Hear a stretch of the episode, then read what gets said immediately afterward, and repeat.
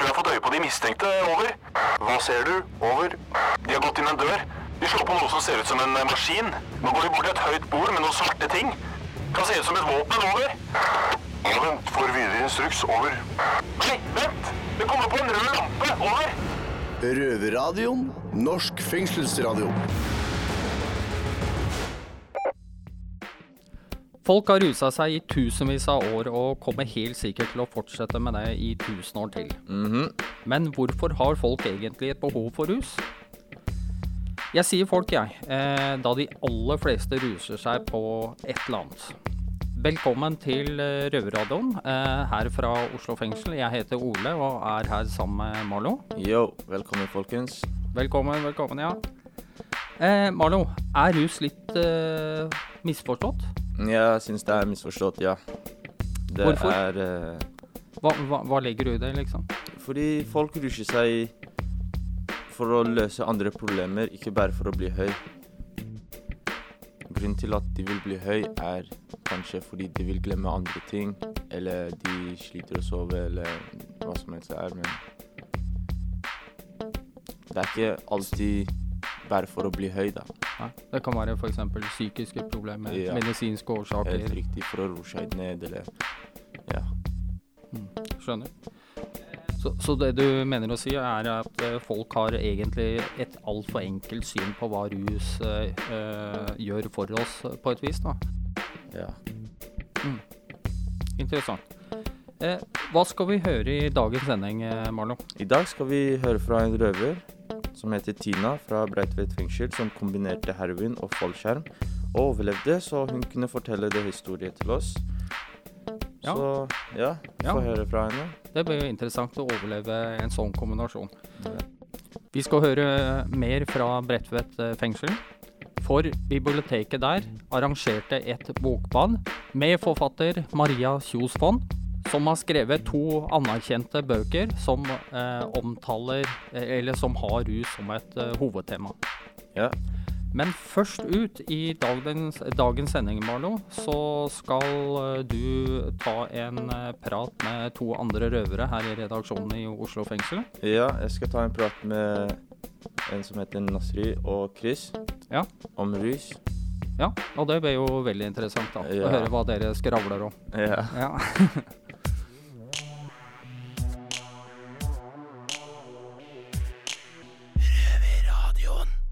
Det fins mange forskjellige rusmidler, og det fins enda flere grunner til å ruse seg med dem. Mitt navn er Nasri, jeg er med Malo og Christian. Hallo. Yo. En, uh, hva er forholdet ditt til rusa, Christian? Nei, jeg har rusa meg mye opp gjennom i livet. ja. Det har jeg. Det har du. Jeg er helt enig. Hva med deg? Jeg har røyka ganske mye da jeg var ute.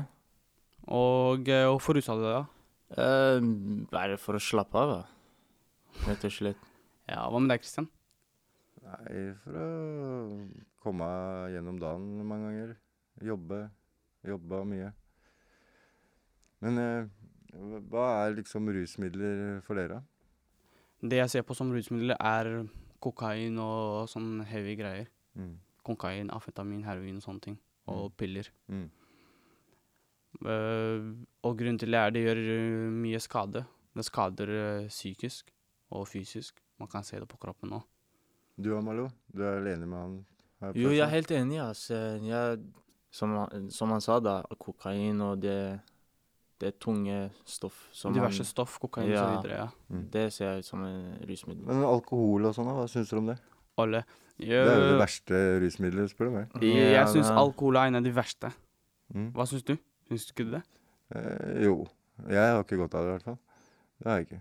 Alkohol, Alkohol er jo lovlig òg. Det er det som gjør det enda farligere. At Det man kan kjøpe den, det hvor som helst, egentlig. Ja. Så lenge du har kroner nok til det, så kan du bare kjøpe så mye du klarer. Mm. Og drikke. Men øh, liksom Jeg syns alkohol er lovlig rus, for å si det sånn. Mm. Og det er grunnen til det er så skadelig. Mm. Og angående nå i koronatiden, så har prisen gått ned òg, for Ja, alkohol. Det er sjukt. 10 liksom. Ja. Og eh, folk er alene hjemme, og mange er jævlig deprimert og starter å drikke. Da blir det problem. Mm. Jeg ser ikke grunn til å drikke når man er hjemme, ikke sant. Man må Folk ha isolerer seg, vet Ja. skal bruse seg liksom for å komme gjennom dagen, kanskje. Ja. Og så er det lett å kanskje gå på polet og kjøpe, og i hvert fall nå som det blir billigere, da. Ja. Så tror jeg det skaper flere alkoholikere. Jeg tror det er sånn litt sånn dårlig løsning på Fremskrittspartiets løsninger på å vinne velgere, da. Ja. Tror jeg, da. Ja. Er du ikke enig? Altså, jeg Dra, hva, drakk du mye når du var ute? Og, hva, og liksom, hva skjer med deg når du drikker? Nei, altså Jeg drikker kanskje én gang i skuddåret.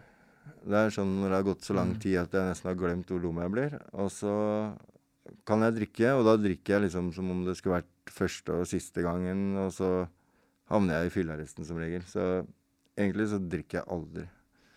Eh, Jeg prøver i hvert fall å la være, da. Når jeg drikker, folk sier at uh, jeg blir en helt annen person. Mm. Og så jeg Jeg vet ikke, fordi jeg husker ikke neste dagen hva jeg gjorde, men uh, de sier at jeg Jeg blir aggressiv og Altså En eller annen gang i løpet av kvelden da, så svartner det for meg. Det, er liksom, det skjer hver gang. Og så våkner jeg fyllearresten og så husker Ja, ja. ingenting, og så har jeg vært helt idiot. Og da liksom Da frister det ikke å drikke, egentlig. For det er liksom moroa blir borte. Men Kristian, jeg har et Mm. spørsmål til deg. Hva har du rusa deg med? Amfetamin har det gått i. Amfetamin? Ja. Du, du har rusa deg bare med det, det var en eh, periode som jeg rusa meg med smertestilling eh, og ja, Tabletter. tabletter, tabletter. ja. da. smertestillende? Ja. Lyrica og, og tramadol og sånt? Tramadol. Mest. Ok. Ja. Oxy og sånn, eller? Nei. Bare Men jeg har prøvd, da. Mm. Ja. Jeg personlig har brukt mye hasj. For jeg pleide ikke å få sove hvis jeg ikke røyka. Jeg trengte nattingsen. Mm. Jeg klarte ikke å spise noe særlig. Tok to-tre bit hvis jeg ikke røyka. Og så var jeg mett. Selv om jeg var egentlig dritsulten fra starten. Bare appetitten min ble borte. Litt sånn selvmedisinering du driver med, da. Ja. Men jeg, hadde, jeg pleide ikke å røyke fordi jeg hadde det dårlig. Jeg gjorde det fordi jeg hadde det bra, men jeg var liksom avhengig av det, for å si det sånn. da. Det var liksom, Jeg starta jo med det da jeg var 14 år. Mm. Ja, jeg òg. Det ble liksom, det ble sånn hverdag for meg. Det, hverdagen min var sånn det var. Så jeg brukte jævlig mye hasj hele tiden. Begynte du tidlig, eller? Man? Jeg begynte rundt ti Oi, Når jeg var ti, så begynte jeg å, å røyke. det er tidlig.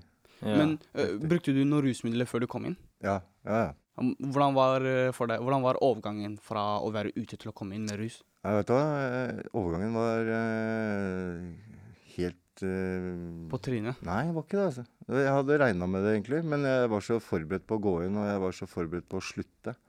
At okay. jeg hadde bestemt meg egentlig før jeg kom inn. liksom. Så når jeg ble arrestert og skulle i fengsel, liksom, så jeg følte meg letta. Altså. Jeg ble, det var deilig å bli tatt, egentlig. Jeg har vært på rømmen i ni måneder, liksom. Det var, liksom, det var på tide å Å gå inn? slappe av og slippe å se over rusa deg mye i de Det var harde ni ni måneder. måneder, da. Ja, Ja, det var jo det. fra start. Jeg orker jo ikke å gå rundt med sånn supernoia, ikke sant, uten Ikke sant. at du ruser deg. Ja.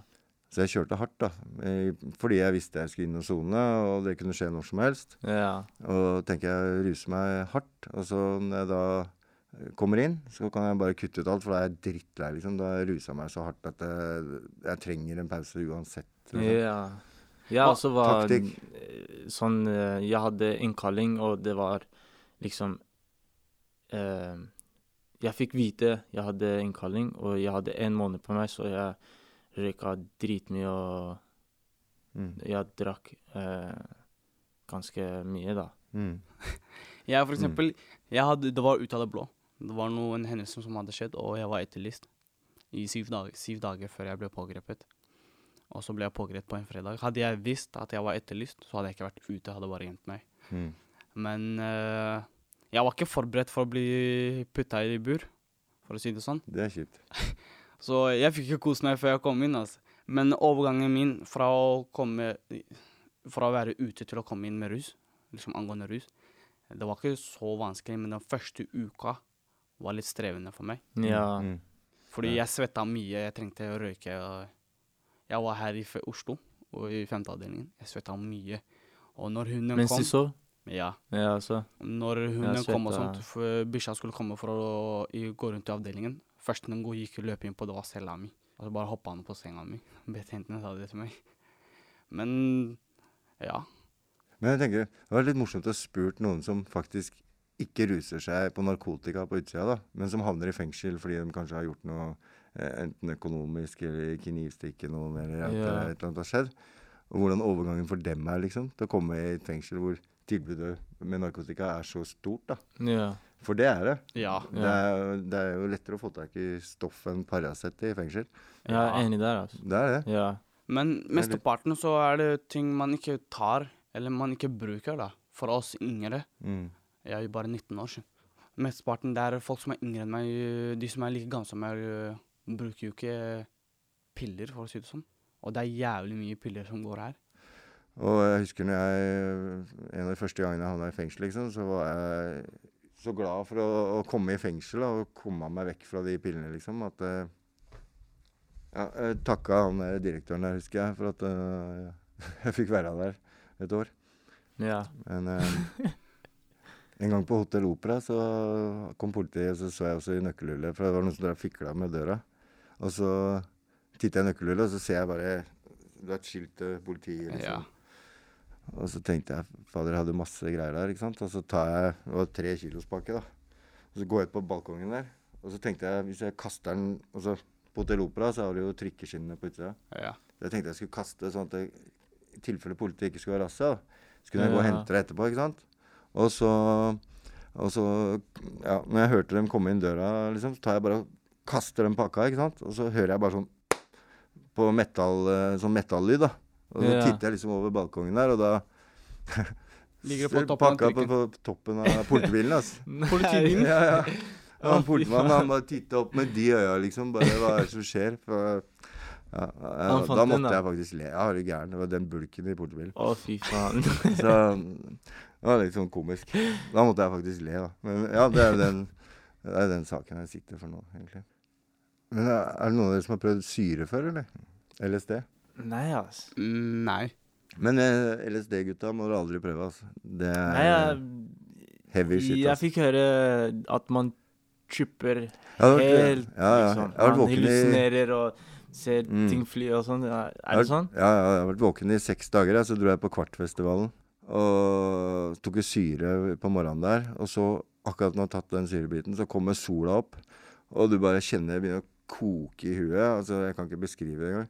Men uh, jeg huska ikke hva jeg het, så hun jeg var sammen med, måtte fortelle meg hva jeg het. Og jeg husker jeg ringte til og med faren min for å be han hente meg i Lillestrøm, liksom. Og jeg var jo i Kristiansand. Aldri mer. Etter verste, det verste jeg har sett, det skjedde med en kompis av meg. Og det der skal jeg aldri gjøre det.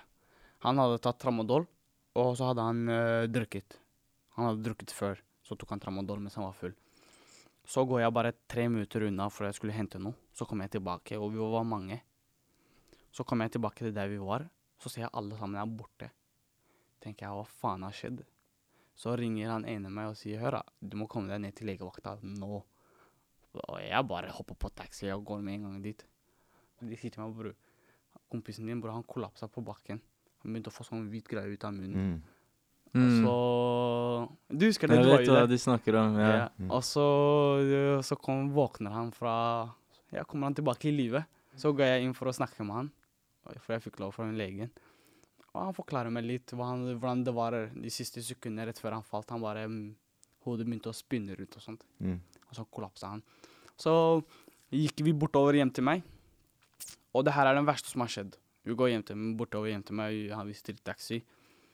Og så venter eh, politiet der foran leiligheten min. Shit. Så han blir pågrepet sammen med meg den dagen. Så går han til uh, Glattcella, og vi ble sluppet ut etter to dager. Så ser jeg han dagen han blir sluppet ut. Jeg venter på han utenfor eh, Glattcella. Så ser jeg han kommer ut, og han ser så sliten ut. Mm. Og han har sovet i to dager. Mm. Han driver og går sånn her med hodet og sånn. Det er det verste jeg har sett. Det hadde skjedd med flere, så jeg Og husker eh, han Det som, er, det som er mest skremmende, er også det skjedde en gang foran meg, og jeg trodde han skulle dø. Mm. Jeg visste ikke hva jeg skulle gjøre. Jeg bare lå han på siden, begynte å ta av meg jakka og putte jakka under ham for å putte hodet Støtte hans. hodet hans. Støtte hodet hans. Det er en ting som er viktig når, du, når man det er den typisk når man har tatt for mye av et eller annet. At man begynner å skumme i munnvika og sånn. Da er det viktig å få vekk alt skummet og sånn, og så Ja. legge dem i stabilt sileie. Og så skal du ikke, ikke at det, Du må ikke legge ting over det så det blir for varmt. Men det skal ikke være for kaldt heller, liksom. Men de skal Ja. heller ha det litt kjølig, for at du kan bli overoppheta. OK. Det er mange som uh, gjør feil noen ganger. At de legger varme pledd over og sånn, og så blir det for varmt. Og så Ja. uh, eskalerer det rusen, på en måte. Jeg visste ikke om sånt. Hvilke grunner er det, gutta, for å ruse seg? Noen har det dårlig. Noen vil fly. Sveve, opp i, sveve, opp, sveve rundt i skyene. Jeg bruser meg når jeg kjeder meg, eller når jeg vil slappe av. Når, jeg, når, jeg, når tankene mine Når tankene snurrer. Ja, og jeg trenger å bare slappe av, så tar jeg meg en joint. eh, Men jeg, liksom, ting jeg bruker, jeg ser ikke på det som rus. Og det er hasj jeg bruker. Eneste jeg ser på som rus, som jeg bruker av og til når jeg var ute, i hvert fall nesten hver helg, så var det alkohol. Mm. Så, Og uh, grunnen til jeg brukte alkohol, grunnen til jeg drakk òg, det var fordi jeg ville feste. nei, det er vanskelig å si at vi ikke skal ruse oss noe mer, i hvert fall. Men, Nei, eh, du Du mener at du kommer ikke til å ruse deg når du, nei, når jeg du går ut? Ja, jeg, jeg, Du er ferdig? jeg er ferdig. Du er helt ferdig? Jeg er ferdig. Det er Ikke sant? Det Ja. er veldig bra. Det er å, så fort man får seg et barn, så er det mm, en ny verden, altså. Ikke Ja. sant? Ja. Hvor rus ikke passer inn. Ja. Ja. Helt riktig. Mm. Ja, Marlon, føler du at du fikk eh, letta på hjertet ditt og fått ut hva du eh, har tygget på i mange år, eller? Ja, man kan, eh, man kan si det. Ja, det var spennende å høre hva de andre hadde. Ja, det var jo veldig interessant å høre. Ja. Eh, tre forskjellige vinklinger på rusproblematikken. Nettopp. Hva med deg, da? Vel, eh, for å være helt ærlig, Marlo, jeg har egentlig ikke noe rusproblem. Jeg har aldri hatt det heller. Eh, så for meg egentlig å få litt innblikk i hvordan dere har det, er jo veldig interessant. I hvert fall når du aldri har brukt rusmidler selv. deg selv. Såpass, ja. Ja. Det er veldig bra. da. Hold deg unna rus. Ja, ja, jeg skal det. Ja. Say no to drugs. Say no to drugs. Men nå skal vi høre fra en ung og lovende forfatter som akkurat har gitt ut sin andre roman, og som tidligere hatt erfaring med rus.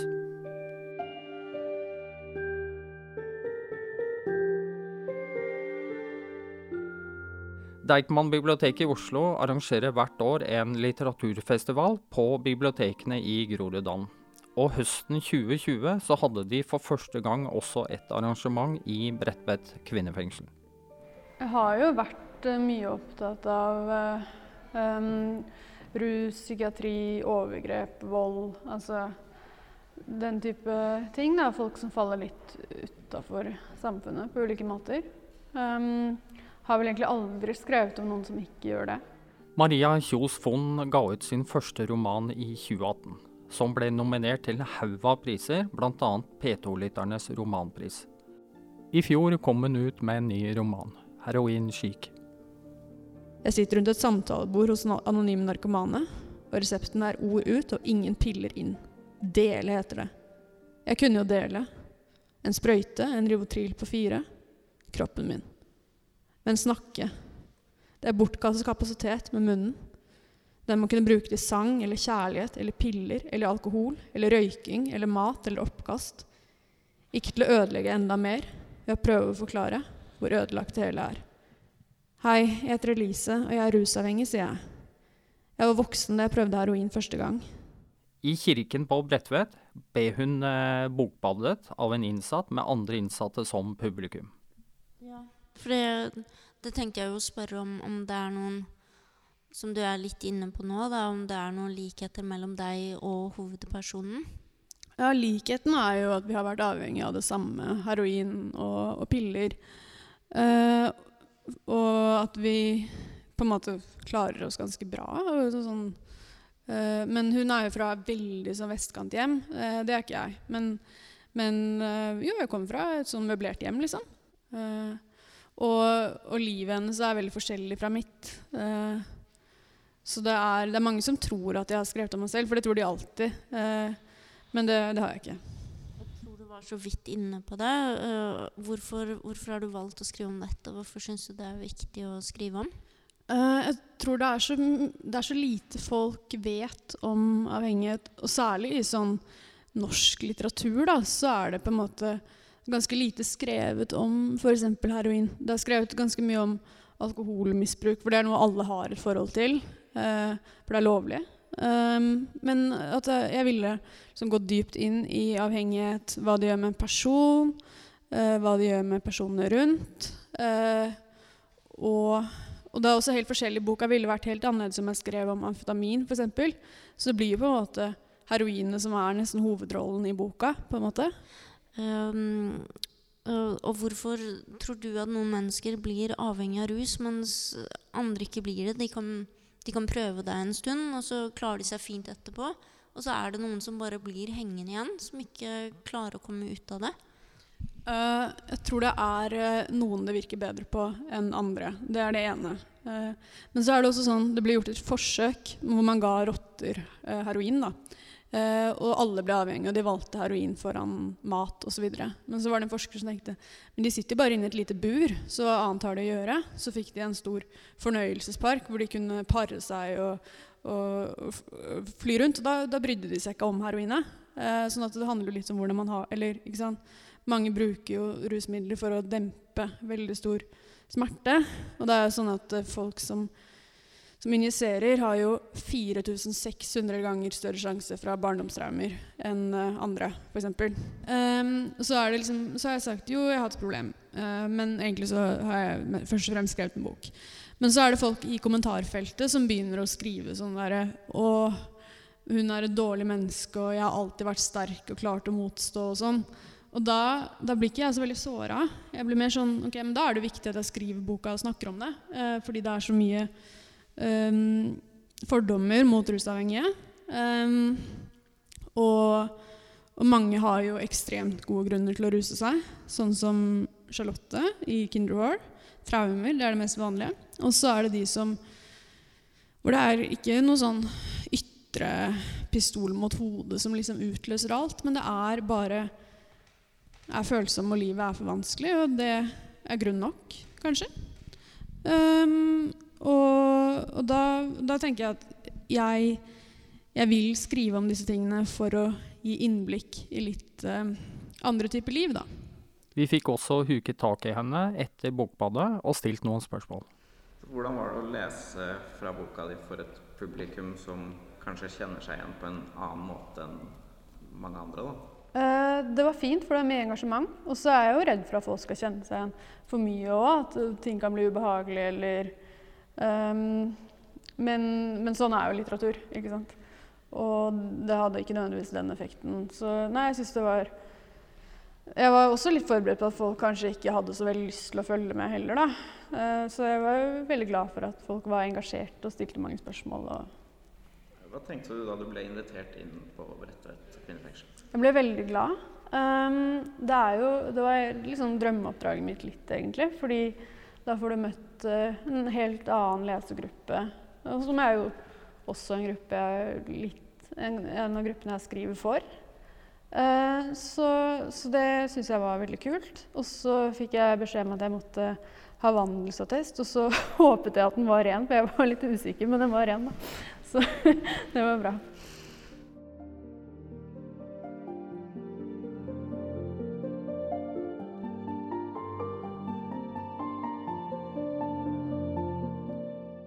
Var veldig ålreit å få høre hva hun hadde å si, men uh, jeg syns hun må komme ned til Oslo fengsel og gjøre det samme her. Ja, ja, helt enig. Så dette her er en åpen invitasjon til henne. Så er du ikke enig, Marlo? Ja, helt enig, jeg. Men sist ute i dag er Røver-Tina. Ja, Røver-Tina uh, kombinerte heroin og falmskjær samtidig. Det var ikke en særlig bra idé, men Nei. hun overlevde. og nå får dere høre historien hennes. Ja, og det blir veldig spennende. Ja.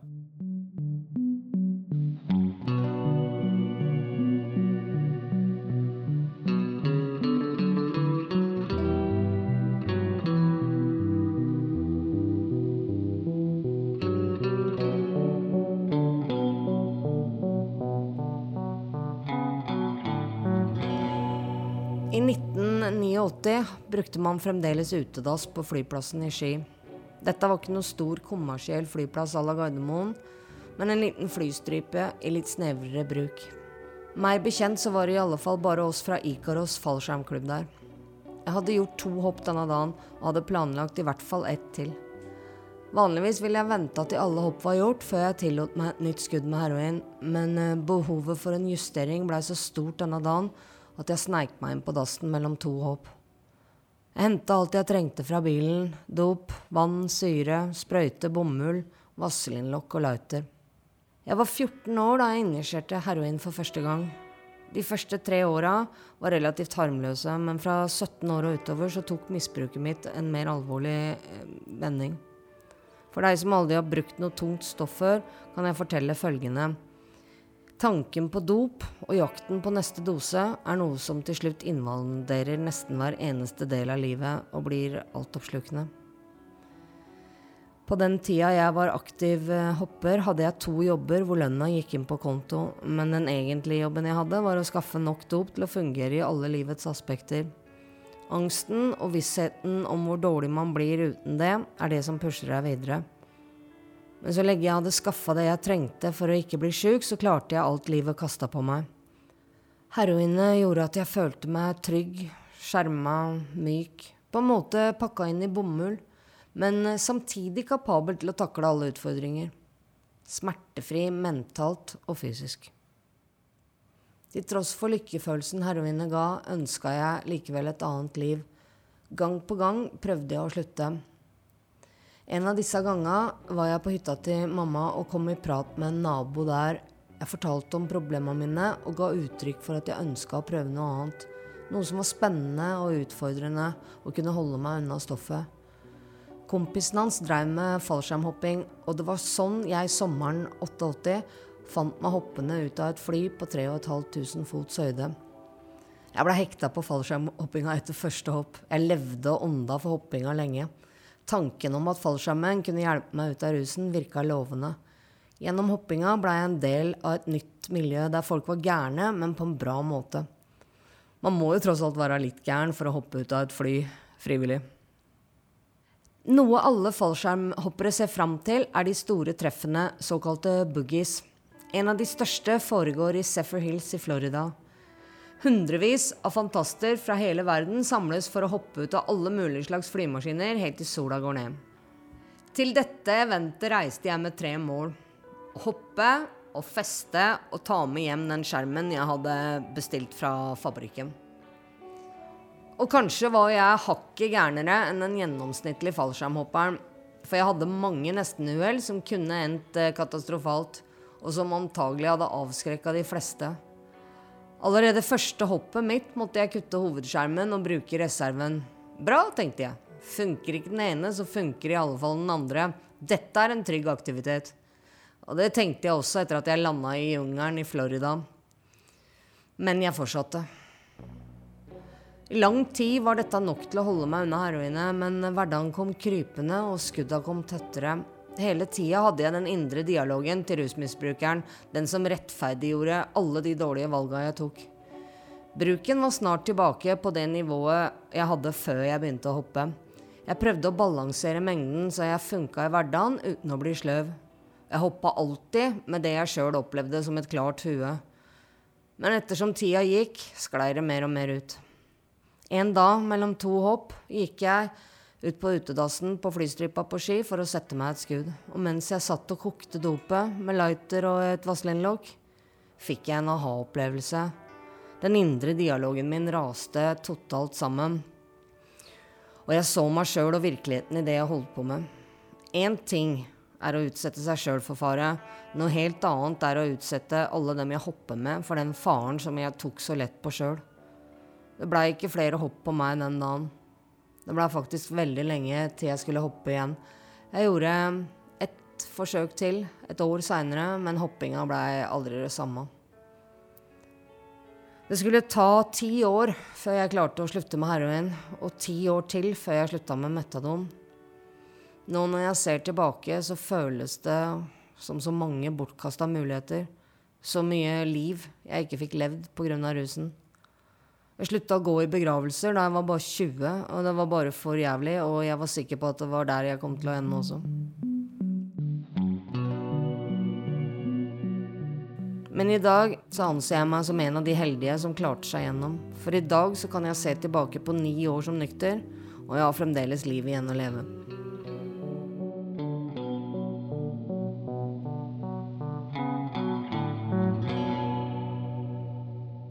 Kan vi trekke noen eh, konklusjoner fra dagens sending, eh, Marlo? Nei, det var litt komplisert, da. Det er ikke sånn at man bare rusher seg og blir avhengig. Nei. Jeg er litt bak eh, den tanken der. Ja, helt, helt enig. Rus er egentlig så viktig tema for så mange innsatte i fengsel at dette dukker helt sikkert opp i Røverradioen med ikke så altfor lenge igjen, da, vil jeg tro. Ja, Er du ikke enig? jeg er helt enig. Hva likte du best, Marlo? Jeg likte den praten hun, eh, jeg, Nasri og Chris hadde om rus. Ja, eh, Jeg syns det var Det var bra å høre hva de hadde Hva de tenker om eh, rus, da. Ja. dere fikk liksom prata ut eh, Ja. om deres forhold til rus, liksom. Ja, reflekte våre tanker og Ja. Mm. Hva med deg? Jeg er eh, enig. Jeg likte den aller best, men en god nummer to er egentlig eh, av fallskjermen. da. Det, den var god, uh, god nummer to, da. Men eh, tilbake til eh, sendinga. Eh, hvor kan du høre oss? Du kan høre oss på NRK P2 hver søndag halv ni på kvelden, og når som helst hvor som helst på podkast. På podcast. Og så må ikke glemme at vi kan svippe innom Facebook og litt Ja. sånt også, ikke sant? Ja. Halla at you, boy. Hva skal du gjøre på cella, Marlon? Ja, jeg skal bare lage meg litt mat, uh, slappe av, trene litt. Så se Helt vanlige ting, altså. Ikke noe spennende, vanlig. liksom. Ikke noe spennende. Nei. OK, vi snakkes, da. sier vi ha det bra. Ha det bra, ja. Vi ses neste gang. Det gjør vi. Det har vært stille fra over en time. Hva skjer? Over. Det er bare et radioprogram. Det er lettere å høre på dem der. Over. Ja, vet du når det går, da? Over. Det er samme tid og samme sted neste uke. Over. Originalmusikk til denne sendinga ble laget av Trond Kallevåg Hansen.